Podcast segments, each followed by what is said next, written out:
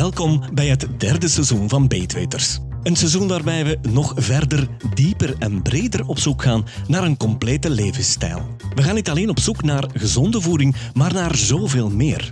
We willen alle lagen en alle facetten ontdekken. Met nog meer informatie, nog meer gasten en nog betere informatie.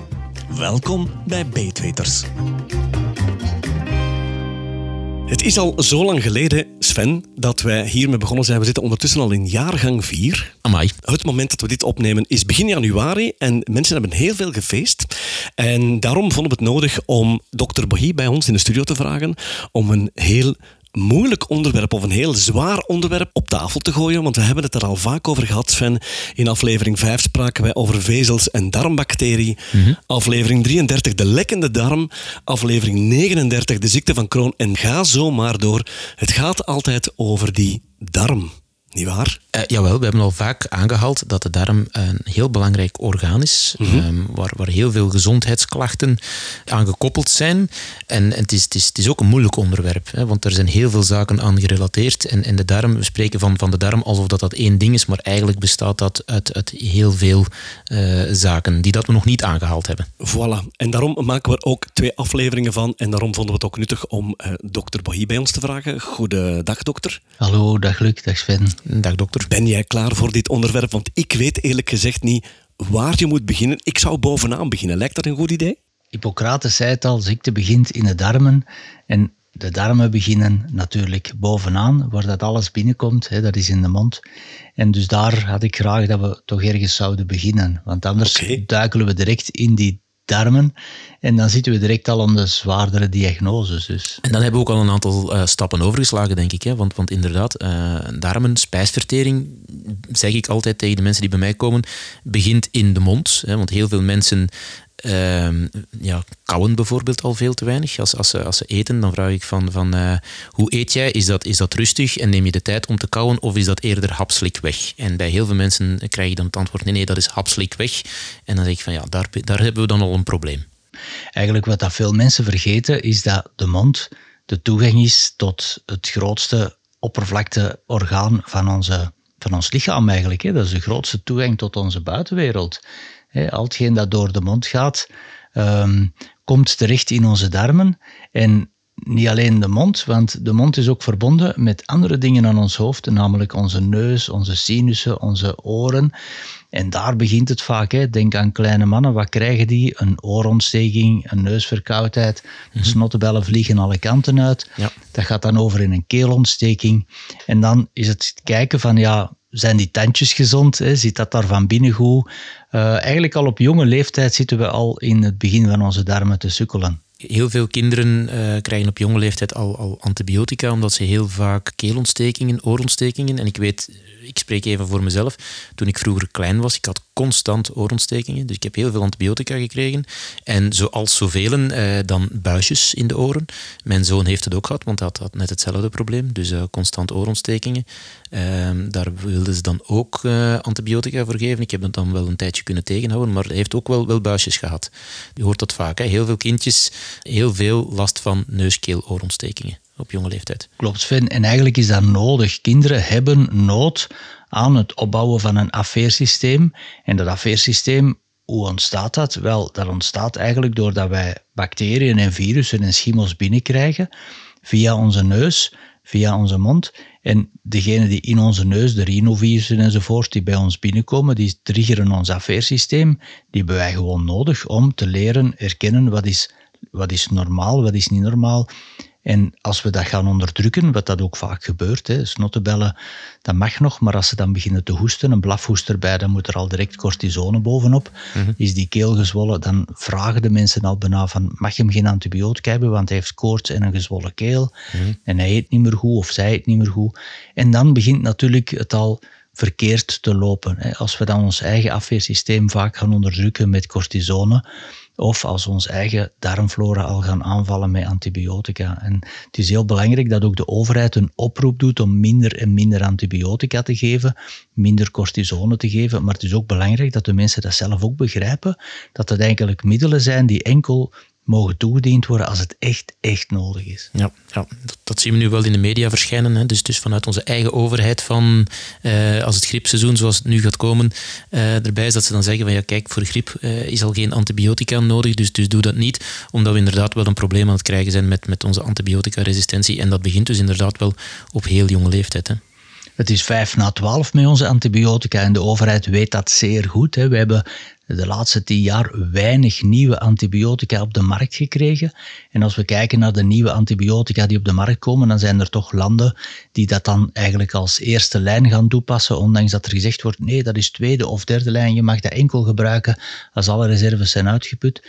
En zo komen we eigenlijk aan een punt dat we, dat we niet meer weten of we in de toekomst nog kunnen gebruik maken van die prachtige middelen. Mhm. Dus het is echt heel belangrijk dat we die proberen te beperken tot het minimum en enkel als het echt nodig is. Dus kindjes mogen ziek zijn? Kindjes mogen ziek zijn, absoluut. Zolang ze eten en drinken of toch niet uh, afvallen of toch niet ont, allee, uitgedroogd zijn, uh, mogen zij gerust ziek zijn, mogen zij eens koorts hebben. Hè. Koorts is een, een middel Ehm, dat, dat ons lichaam in staat stelt om het afweersysteem te stimuleren.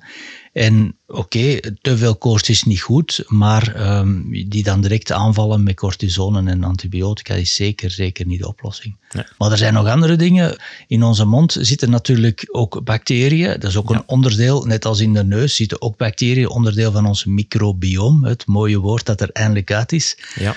Wel, microbiome is eigenlijk gewoon een woord dat betekent de bacteriën, virussen en schimmels die onderdeel vormen van ons lichaam of die daarin leven, die daarin wonen, waar dat we eigenlijk in symbiose mee leven.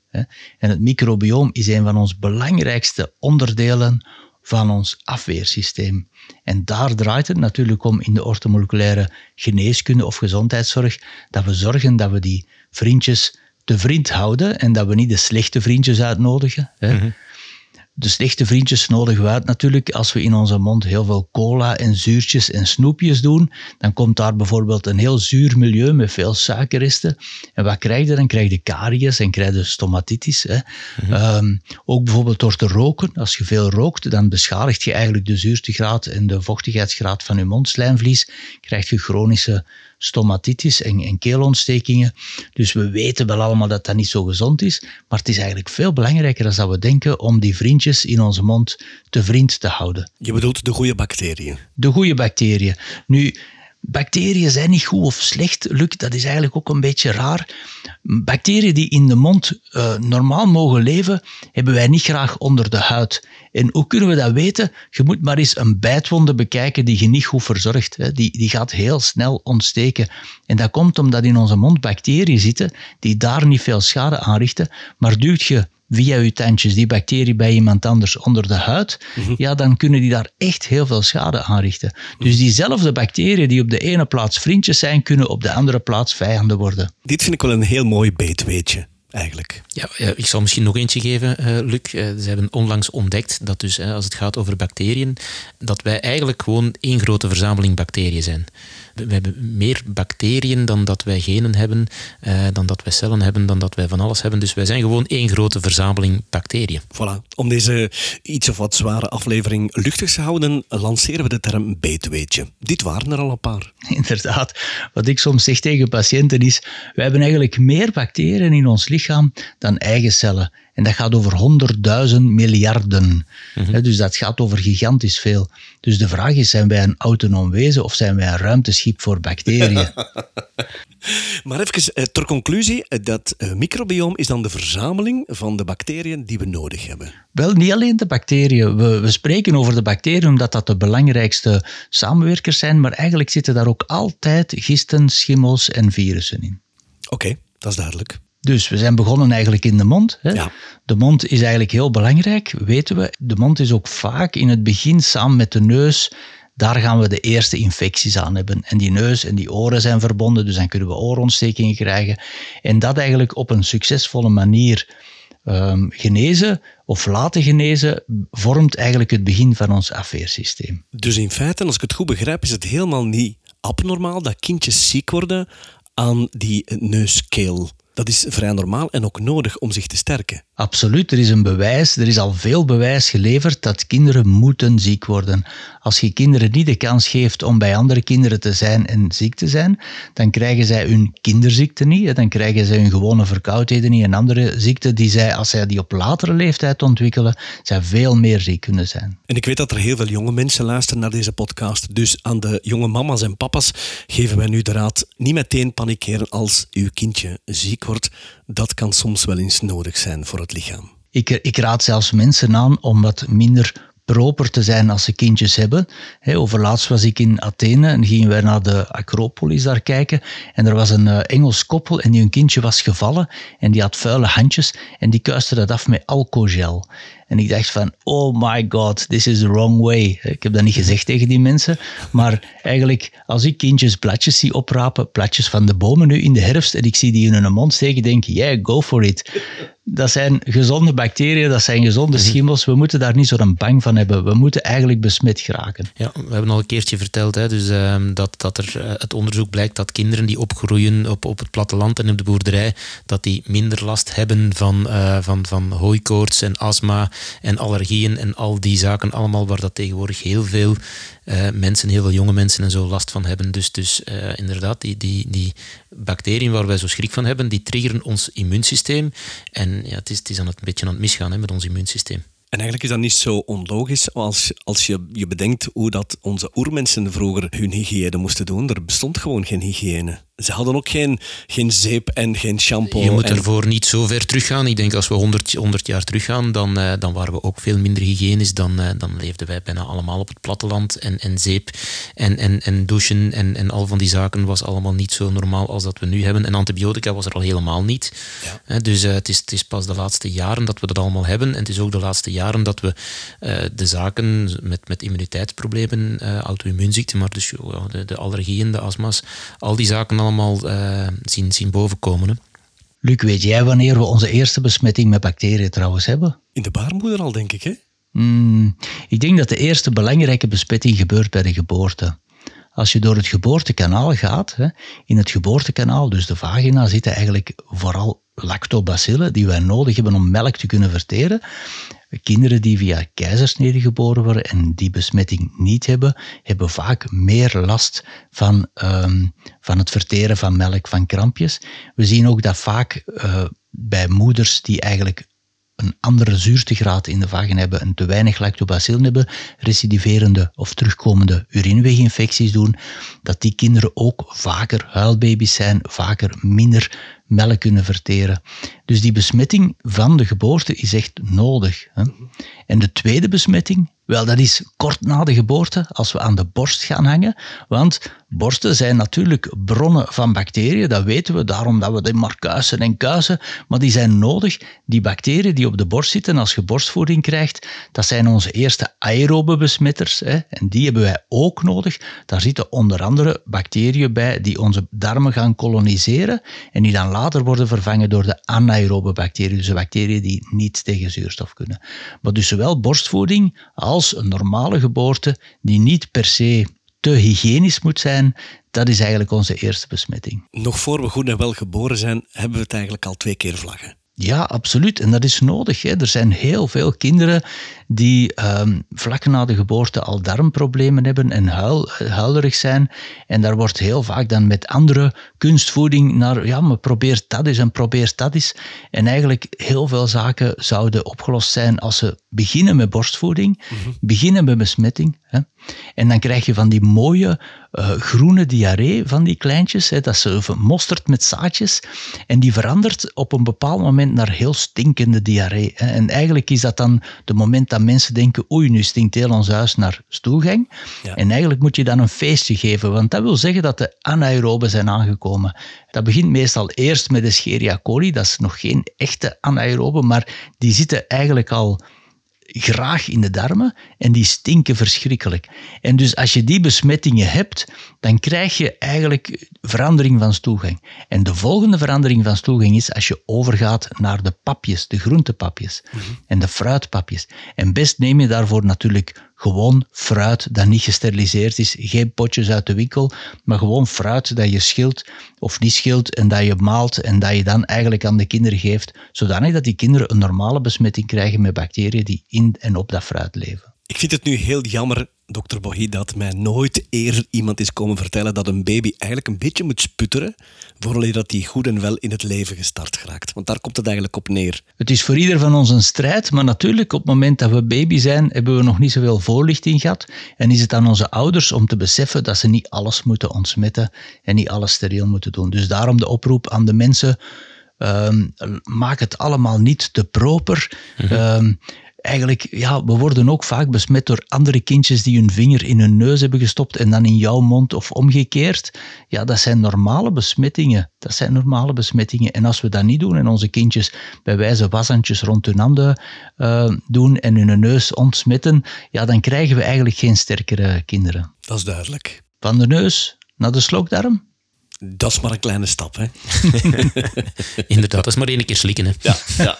Wel ja, dus de mond hebben we gehad. Hè? Dus gezonde voeding, niet te veel suiker, niet te veel zuren erin en de tandjes poetsen. Ja, goed de tanden poetsen, denk ik dan. En, en niet te veel frisdrank als we, daar dan, uh, als we dat mogen onthouden. En, en andere suikerhoudende uh, voedingswaren. Dus. Is dat werkelijk zo slecht in de mond al, die frisdrank? Ja. Vanwege de zuurtegraad dan? Vanwege de zuurtegraad, ja. Dus uh, is ook heel slecht voor tandglazuur. Hè? Dus al die frisdranken, die zuurtegraad is zo slecht dat het tandglazuur gewoon wordt uh, weggevreten, om het zo te zeggen. En verzet je maar eens tegen al die reclame dagdagelijks op televisie en op radio en overal waar je komt tegen frisdranken. Of mhm. voor frisdranken. Ja, dus water hè. Oeh, lekker, zeggen kinderen dan. Ja, ik weet het. Net niet, hè? Ja, Luc, ik ben zelf ervaringsdeskundige, want ik heb uh, in mijn jeugd heel veel cola gedronken, cola en melk, dat was mijn basisvoedsel. En uh, ik kreeg van de tandarts altijd aan mijn voeten dat ik mijn tanden niet poetste. En ik zei, maar ik poets die wel. hij zegt, ja, maar er ligt allemaal plak op je tanden, jij poetst die niet goed. En nu besef ik van, ja, maar ik zat ook een hele dag door cola te drinken en snoepjes te eten. Natuurlijk, dan creëert je een zuurtegraad in je mond dat eigenlijk die plakjes gaat creëren. En het gaat eigenlijk niet alleen over cola, het gaat eigenlijk over elke frisdrank. Hè? Ja, ja. Nu, die slokdarm, dat is eigenlijk iets waar je ook wel vaak iets over hoort, hè? Ja, en ik denk dat heel veel mensen dat ze daar, dat ze daar toch wel uh, vaak last van hebben. En ik denk dat ze daar vaak voor tot bij, bij de dokter komen en zelfs tot in het ziekenhuis. Gewoonlijk gaat het dan uh, om de, de reflux. Hè. Dus, en, en dan hebben ze problemen met de slokdarm. Wat heeft dat te maken met de darmklachten?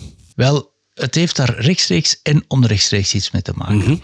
Ik wil even terugkomen naar iets anders. Die slokdarm, daar zit vaak maagzuur in. Hè omdat de maag niet goed afsluit. En hoe komt dat dat die maag niet goed afsluit? Meestal door stress. Als wij veel stress hebben, dan trekt eigenlijk ons autonoom zenuwstelsel het diafragma niet goed, eh, naar beneden en de maag naar boven en dan krijg je zo kleine maagbreukjes. En dan gaat de maagzuur in die slokdarm lopen. Hm? Dus misschien, even kort vragen, eh, dokter. Kan je even gewoon uitleggen wat de maagbreuk is? Want ik heb al, al mensen gehad die dat dan uh, denken dat hun maag effectief gebroken is. Dat dat iets, iets gigantisch erg is. Maar misschien toch ietsje beter uitleggen wat een maagbreuk is? Ja, wel, een maagbreuk is eigenlijk een, een stukje van de maag waar dat de slokdarm overgaat in de maag, mhm. dat eigenlijk tot in de uh, tot in de thorax, tot in onze, hè, dus tussen de longen doorkomt. Dus die maag zelf zit normaal onder ons diafragma, ons ademhalingsspier, mhm. in de buik. Hè. De slokdarm loopt door onze borstkas. En die maag, die zit daar dus onder. Maar als die door spanning een beetje naar boven kruipt, dan kan een klein deeltje van die maag dus door het gaatje van die, van die middenrifspier geraken. En dan sluit hij niet meer goed af. En dat is eigenlijk een maagbreuk. Als dat structureel wordt, dat wil zeggen als dat daar echt blijft zitten, dan spreken we van een echte maagbreuk, waar dat soms operaties voor gedaan worden. Maar heel veel mensen hebben door stress eigenlijk al een klein maagbreukje, hè, dat al dan niet te zien is bij een gastroscopie, bij, een, bij, bij de cameraonderzoek. En daardoor hebben heel veel mensen die stress hebben, dus dat maagzuur dan naar boven loopt. En dat heeft een direct effect en een indirect effect. Nu, het indirecte komt vaak voort uit de behandeling die we dan geven. Want heel vaak gaan we dan, wat geven Sven? Uh, de maagzuurremmer. De maagzuursecretieremmer. Ja. Ik herinner mij dat toen, vroeger gaven wij ranitidine. Hè. Mm -hmm. uh, dat was eigenlijk een zachter product, een, een, een antihistaminicum eigenlijk. Iets dat de maag eigenlijk, of een, tenminste een familie van de antihistaminica, iets dat de maagzuur een beetje remde. Tegenwoordig zijn dat sterke maagzuursecretieremmers die wij in het begin alleen mochten voorschrijven na een gastroscopie die positief was voor maagzweren. Dus eigenlijk moest een specialist een onderzoek doen en als die zag dat er een maagzweer was, dan mocht hij dat voorschrijven voor een welbepaalde periode. Dan heeft men dat versoepeld en heeft men gezegd, oké, alle artsen mogen dat nu één maand voorschrijven, maar binnen die maand moet dan een gastroscopie gebeuren of de therapie stopt. Ja. En dan heeft men dat vrijgezet. Dan, nu mogen alle artsen dat voorschrijven. En nu wordt dat gewoon preventief voorgeschreven. Mhm. Wat dat betekent dat heel veel mensen hun maagzuur remmen, preventief, met alle gevolgen van dien. Want als je die maagzuur gaat remmen, dan krijg je inderdaad minder maagzuur in de slokdarm. Maar dan verandert de zuurtegraad niet alleen in de maag, maar ook in alles dat daarna volgt. Want dat maagzuur heeft natuurlijk een functie. En dan, uh, dat is het grote probleem. Hè. De maag is, is enorm zuur. Uh, is nodig om, om ons eten, vooral de eiwitten, te gaan verteren, maar ook om een, een heel deel van de bacteriën, de, de, de minder goede bacteriën die we eventueel mee binnenkrijgen, om daar te gaan elimineren. Dus maag heeft, is, is heel zuur en van het moment dat we maagzuurremmer gaan nemen, verandert dus die zuurtegraad van de maag waardoor dat eh, eigenlijk ja, ons, ons eten niet goed meer gaat verteren. Niet in de maag, maar ook verder niet meer. Uh, dus je krijgt gegarandeerd, als je dat lang neemt, krijg je gegarandeerd uh, spijsverteringsproblemen door een, een slechte vertering. En een ander gevolg daarvan is dan ook nog dat B12 veel minder goed wordt opgenomen als je langere tijd maagzuurremmers gaat nemen. Dus dan krijg je ook nog, nog vaak een tekort aan B12. Het is niet alleen B12, Sven. We hebben eigenlijk veel maagzuur nodig om mineralen op te nemen in ons lichaam en vitamines. En we zien dat eigenlijk mensen die een maagoperatie hebben gehad, een maagverkleining, dat die eigenlijk constant vitamines en mineralen moeten bijnemen, omdat hun maag, onder andere een stof, intrinsiek factor, die mhm. nodig is om vitamines op te nemen, niet aanmaakt, omdat die maag er gewoon niet meer is. En er te weinig maagzuur is om die mineralen en die vitamines op te nemen. Dus we hebben dat echt essentieel nodig. En heel veel mensen hebben al te weinig vitamines en mineralen, gaan dan nog hun maagzuur remmen, waardoor die opname nog eens gestoord wordt. En dan verschieten ze als je dan hun bloed een keer gaat controleren en dan zien van oei, dat staat hier allemaal nogal laag. En, en dat ook terwijl dat, dat heel vaak het probleem niet is dat er een teveel aan maagzuur is, maar dat er eigenlijk gewoon een ander probleem is. Hè. Dus we gaan maagzuur remmen, en om, omdat uh, ja, we hebben klachten dan in die slokdarm heel vaak. En mensen zeggen dan het is, het is alsof dat mijn eten terug naar boven komt. En dan kan dat gaan branden in de slokdarm en dan kan het gaan branden in de keel. Dat is natuurlijk vervelend, kan ook gevaarlijk zijn. Gaan we maagzuurremmers nemen. Maar we doen niks aan een, aan een oorzaak. We gaan alleen het maagzuur remmen, terwijl dat vaak het, te veel aan maagzuur niet het probleem is.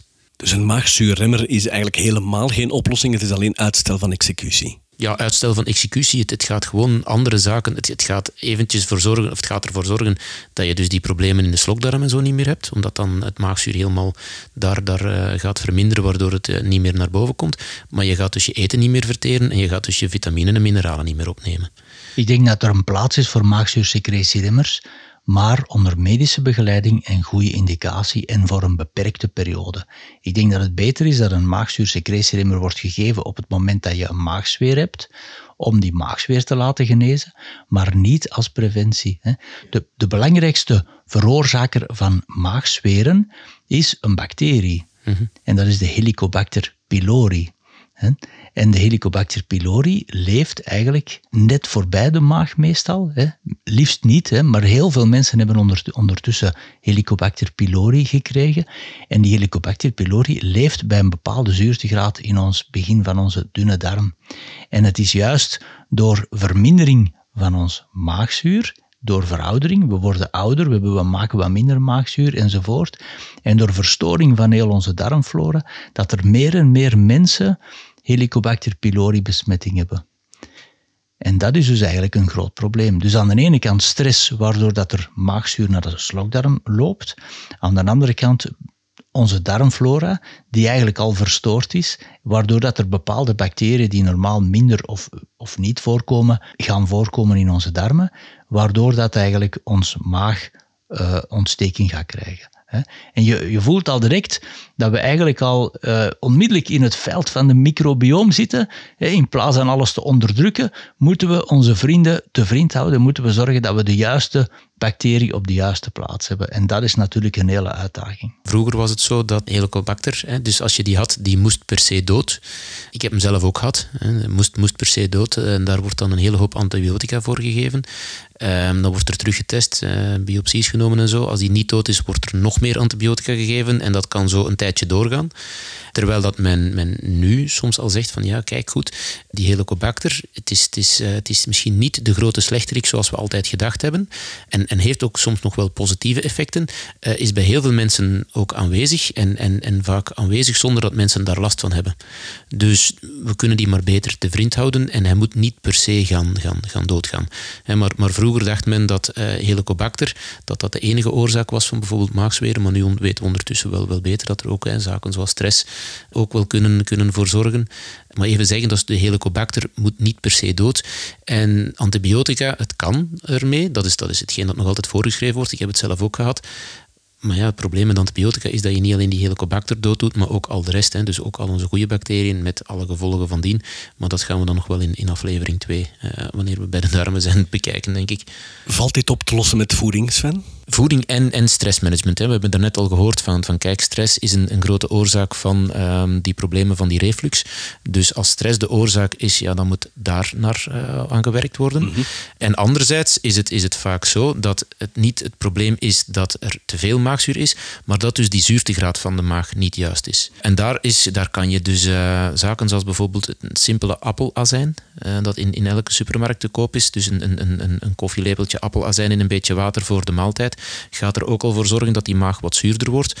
En eventueel uh, als supplement de, de betaïne HCl gaat er ook voor zorgen dat die maag terug zuurder wordt, uh, waardoor dat dus die vertering ook weer, weer beter wordt. Misschien ga ik heel kort door de bocht, maar betekent het dan dat we te veel zoet in die maag kappen, waardoor dat die niet meer zuur genoeg is? Goh, uh, het is zo dat, dat de zuurtegraad van de maag ook beïnvloed kan worden door ons microbiome, dus de, de bacteriën die in onze darmen leven. En als wij heel ongezond gaan eten en vooral heel veel koolhydraten, heel veel suiker gaan eten, als die suiker dan niet verteerd wordt en gaat gisten en gaan fermenteren en zo, dan komen daar bepaalde bacteriën op af die gaan gaan groeien, die gaan uh, zuurtegraad van, van de darmen en zo verder gaan beïnvloeden en dat kan dan weer invloed hebben op onder andere maag en zo. Dus, dus, ja, en, um, en dat is ja, een stukje verder waarschijnlijk, hè? een stukje ja, dieper. Dan zitten we wel een stukje dieper, dus, dus we hebben goede bacteriën nodig die dat um, ons alles, alles in orde houden en daar komen dan ook weer bij voeding, dat zijn dan de vezels. Maar daar gaan we in het volgende deel nog wel, wel dieper op ingaan. Dokter, ik wist niet dat er in de slokdarm en in die maag zoveel te doen was dat onze darm beïnvloedt. Ja, het is, uh, het is op zich heel interessant om te weten dat het is een samenspel van allerlei factoren. Er is eigenlijk nog iets heel belangrijk. Veel mensen denken dat alleen ons speeksel verteert en of ons maag zuur. Hè? Maar het is veel meer dan dat. We hebben eigenlijk speeksel als doel om de eerste vertering in gang te zetten door goed te kouwen. Dan hebben we ons maagzuur, dat een bepaalde zuurtegraad heeft, die zeer zuur is, hè, dat is logisch, om dat voedsel in een volgende fase te krijgen. En dat voedsel meer af te breken. Maar dan zijn er nog bepaalde enzymen die nodig zijn voor de vertering. En een deel daarvan komt eigenlijk uit de galblaas en een ander deel komt eigenlijk uit de pancreas. De pancreas is een heel belangrijk orgaan dat eigenlijk als grote buikspeekselklier kan gezien worden. En die gaat via de galkanalen eigenlijk, via de um, bepaalde buisjes die uitkomen in de darm, gaat die eigenlijk spijsverteringsenzymen toevoegen. Die komen daar samen aan met de gal die ook een bepaalde zuurtegraad heeft. En die samen zorgen dan weer dat het voedsel in een volgende fase verteerd wordt. Super belangrijk. En daar zien we ook wel vaak wat problemen. En wat dan met mensen die hun gal is afgenomen? Want er zijn toch vrij veel mensen die dat bijvoorbeeld door uh, uh, galstenen en zo, dat ze de gal hebben weggenomen. Geen gal meer. Wel, het is niet omdat je geen galblaas meer hebt dat je geen galzouten meer maakt. Maar heel veel mensen hebben galproblemen en het is niet altijd duidelijk waardoor die galproblemen ontstaan. Ook daar denken we soms aan emotionele problemen, dat mensen hun gal niet opspugen en te veel. Mm De lever is een orgaan dat energetisch gezien detoxificeert, dat eigenlijk het gif wegwerkt. En niet alleen energetisch, maar ook biochemisch. Hè. En het yang-gedeelte, zal ik dan maar zeggen, van de lever. Het yin-gedeelte is het gedeelte dat absorbeert, het absorberen van toxische omgeving. Maar het yang-gedeelte is dan eigenlijk de gal. En je moet je gal uitspugen. Hè. Als die gal niet goed functioneert, dan krijg je inderdaad steentjes daarin of galcrisissen en dan zijn we geneigd om die weg te snijden, dan hebben we daar al geen last meer van.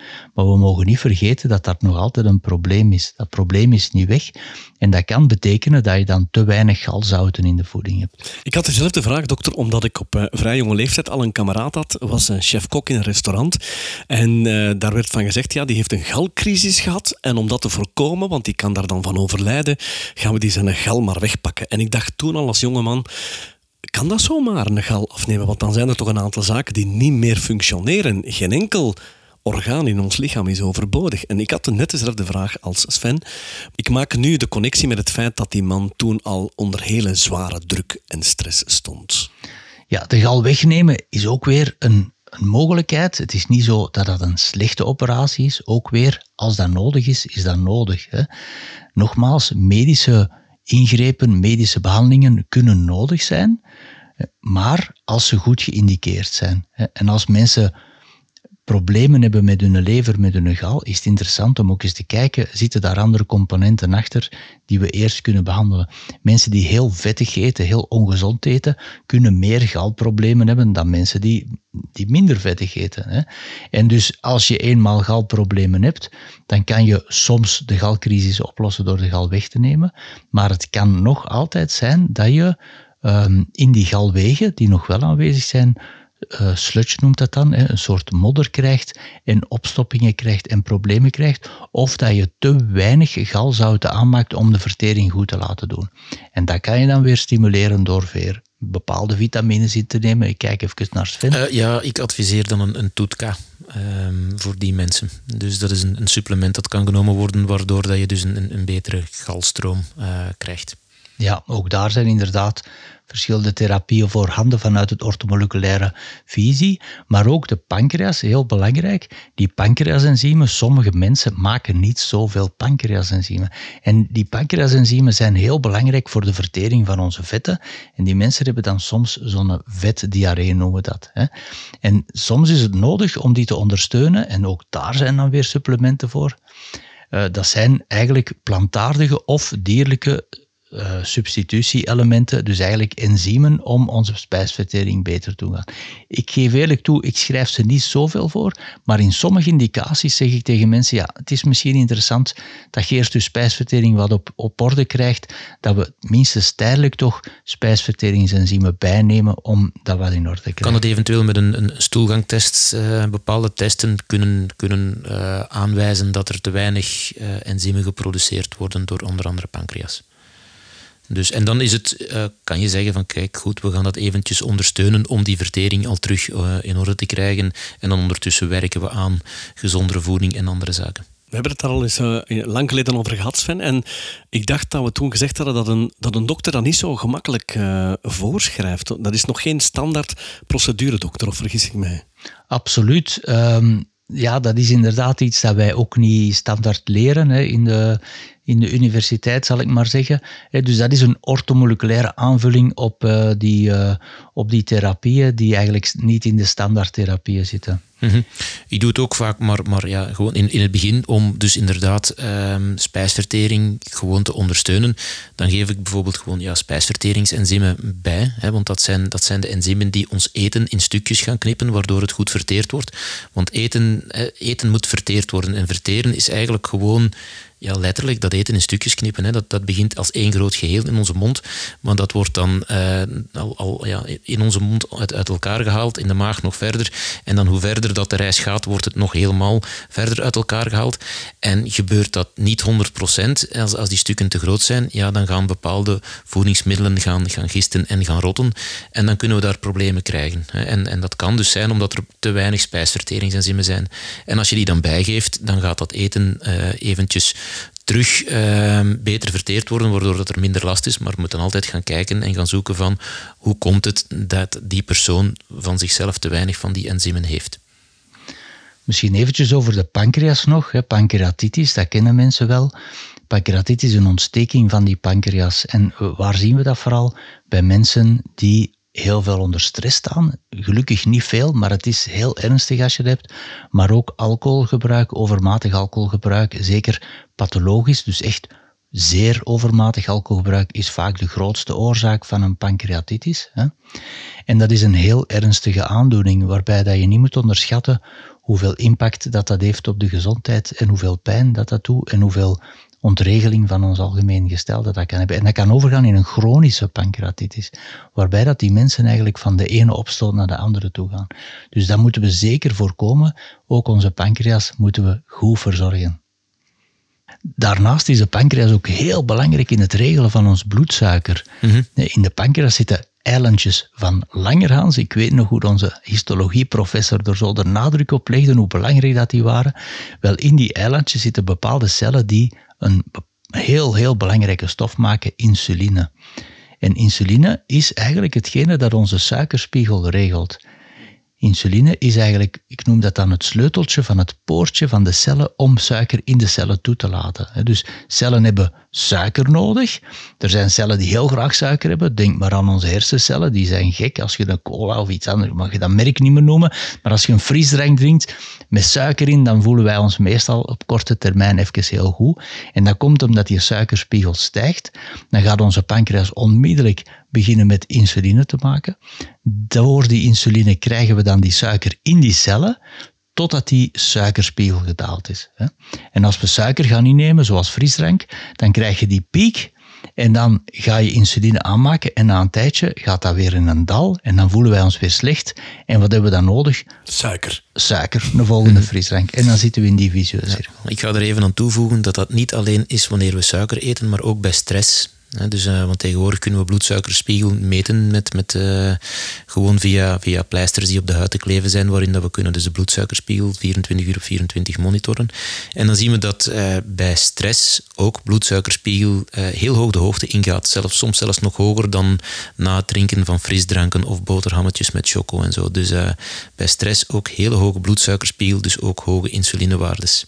Inderdaad, Sven. En dat komt eigenlijk door ons stresshormoon cortisol. Het stresshormoon cortisol stimuleert de lever om suiker vrij te maken. En die haalt eigenlijk suiker, die, die gaat vetten verbranden of omzetten, die gaat suikers vrijstellen en onze suikerspiegel gaat omhoog. En dat geeft ons op korte termijn ook die een boost van oké, je hebt stress, je hebt die suiker, je krijgt die suiker, zelfs al drinkt hem niet, je lichaam zal hem die geven. En dat is eigenlijk waarom dat we ook ons bij stress soms wel goed voelen. Hm. En nadien daarna dan leeg. Logisch, hè? Ja, want dus al die suiker wordt dus uit de reserves gehaald, hè, uit, uit de lever en uit de spieren. En ja, nadien zijn die dus leeg en dan voel je dus de mensen voelen zich dan, dan slap en moe. Eh, en hebben dan weer, weer de neiging om die suiker gaan terug te vervangen. En, en dan, dat is ook de reden waarom dat je dan bij stress uh, naar de koekjes en zo gaat grijpen. Hè. En als dat lang genoeg duurt en scheef loopt, dan komen ze bij de voedingsexpert terecht.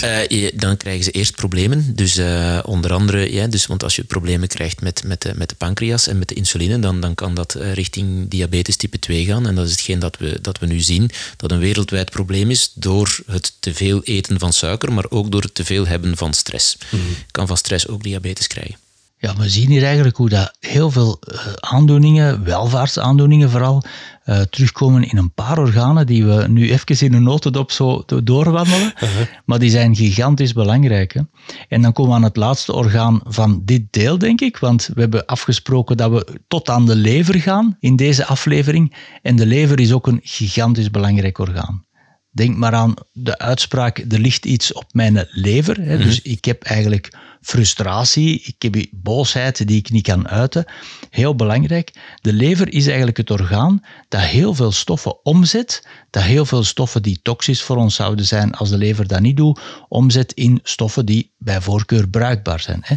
Alcohol bijvoorbeeld wordt door de lever omgezet zodanig dat alcohol zelf, hè, want anders zouden wij op alcohol gaan staan, letterlijk, dat die alcohol niet in ons lichaam blijft. Maar dat betekent ook dat als we veel alcohol verbruiken, dat die lever ook heel veel moet afbreken, heel hard moet werken. Dat geldt niet alleen voor alcohol, maar de lever heeft een bepaalde capaciteit en als we die capaciteit gaan overstijgen, dan krijgt die lever een probleem. En dan, uh, dan kan je bijvoorbeeld uh, levercirrose krijgen. Hè? Klopt, je kan leververvetting krijgen, je kan levercirrose krijgen. Dat zijn eigenlijk cirrose betekent bijna letterlijk verlittekening. Dat wil zeggen dat de cellen dood zijn en dat daar bindweefsel in de plaats gaat komen. Dus de lever heeft een gigantische capaciteit op onze geboorte. dan hebben wij ook een hele grote lever. Lever is eigenlijk een orgaan dat gigantisch groot is bij een babytje. En die capaciteit is heel, heel groot. Maar naarmate dat wij ouder worden, gaat die capaciteit natuurlijk naar omlaag. Maar als je die capaciteit echt naar omlaag krijgt door infectie, je kan ook een bepaalde hepatitis bijvoorbeeld krijgen, of door overmatig uh, toxines, die bijvoorbeeld alcohol of medicatie, waardoor dat de lever eigenlijk gaat opgebruiken, zal ik maar zeggen, dan krijg je echt leverfunctiestoornissen. En dat is wel een hele belangrijke. Dat is ook een van de veel voorkomende ziekten, hè, bij de, in, ook een welvaartsziekte eigenlijk. Ook het, uh, het, het, het veelvuldig gebruik van fructose. En daar hebben we het in het verleden ook al eens over gehad, Luc. Dus, dus uh, wanneer het ging bijvoorbeeld over de fruitsappen en de smoothies. Uh, fructose, een, suiker, passeert door de lever. En wij gebruiken, wanneer je een gewone appel eet, oké, dan zit daar fructose in, maar daar zitten ook nog vezels en andere zaken in. Wanneer je appelsap gaat drinken, dan ga je dus uh, verschillende appels in één keer. En die fructose moet dus, dus door de lever. En als je nu zegt van oké, appelsap, dan, dan, dan wordt nog een beetje gerelateerd aan iets gezond, maar fructose uh, smaakt zoeter dan gewone suiker. Dus fructose wordt in heel veel voedingsmiddelen gebruikt om, om iets zoeter te maken. En het is dus door het veelvuldig gebruik van fructose dat heel veel mensen eigenlijk dus leververvetting hebben, als, alsof dat dus ja, overmatig alcoholgebruik is. En ik heb ooit met een, een specialist van, van, van Leuven, leverspecialist van Leuven gesproken. En dan uh, is er sprake van dat, dat 50% van de, van de volwassene mensen dus eigenlijk al die problemen hebben, maar ook 20, 25% van onze 12-jarigen. Dus die hebben een lever alsof dat er overmatig alcoholgebruik is, ook al hebben zij nog nooit alcohol gedronken, gewoon door het teveel aan fructose. Ja, suiker is de silent killer, hè? dat ja. noemen we zo in de orthomoleculaire, de silent killer. Zeker een heel groot probleem. Stress ook. Ja. Um, alcohol is maatschappelijk een heel groot probleem. Maar ook medicatie, denken we maar aan paracetamol. Eigenlijk, ja. een paracetamol lijkt zo um, lijkt zo onschuldig, is eigenlijk een middel dat je absoluut niet mag overdoseren, want het is levertoxisch. Hè. Dus er zijn uh, jaarlijks toenemend aantal mensen met intoxicatie van paracetamol, waardoor de lever onherstelbaar beschadigd wordt. Dus we moeten daar echt mee opletten. Dat lijkt allemaal heel onschuldig. Je mag niet boven de dagelijkse dosis gaan en je mag het ook eigenlijk niet chronisch nemen. En mensen nemen iedere dag paracetamol. Ja, er zijn toch vrij veel mensen die dat, dat uh, omdat ze ik heb last van pijn en ik heb last van dit en last van dat. En die dat dan dagelijks meerdere uh, dosissen nemen. Want, want ja, het lijkt heel onschuldig. En, en mensen denken dat het twee keer niks is. Maar dus, eh, we hebben al eens een keertje besproken. Dus het is heel gevaarlijk voor, voor de lever. Ook onder andere glutathion. Heel belangrijke stof wordt daardoor uh, tijdelijk afgebroken en, en weggenomen. Dus um, heel veel ontgiftingsproblemen, immuniteitsproblemen. Dus um, ja, ik vind het een heel gevaarlijk iets. En dat wordt genomen alsof het niks is. Hè. Er zijn zelfs mensen die dat preventief nemen, hè? omdat ze nog maar denken, ik ga straks pijn hebben. Ja, ja dus, uh, en dat wordt uh, ja, tegenwoordig ook voor kinderen. Hè? Dus uh, we hebben dat nu ook voor, voor in, in, in kinderdoseringen aan, van, van het kindje is ziek en heeft een beetje koorts, we geven het een beetje paracetamol. Ook daar weer, uh, therapieën kunnen nuttig zijn op het moment dat ze nodig zijn, maar enkel dan. Dus kortdurend, zo nodig geeft je paracetamol, dat kan op zich geen kwaad, zolang je de dagelijkse dosis niet overschrijdt en zolang je er geen gewoonte van maakt en het niet als snoepjes geeft. Er valt volgens mij nog heel veel over te vertellen, want we zijn nog maar halverwege. Als deze aflevering je aanstaat, laat het ons dan weten via hallo.beetweters.be. En wacht vooral naar de volgende aflevering, want die gaat er ook over. En dan gaan wij nog dieper het lichaam induiken. En uh, waarschijnlijk geven we dan ook hier en daar uh, zelfs een tip of een oplossing. Tot de volgende. Dag. Dag.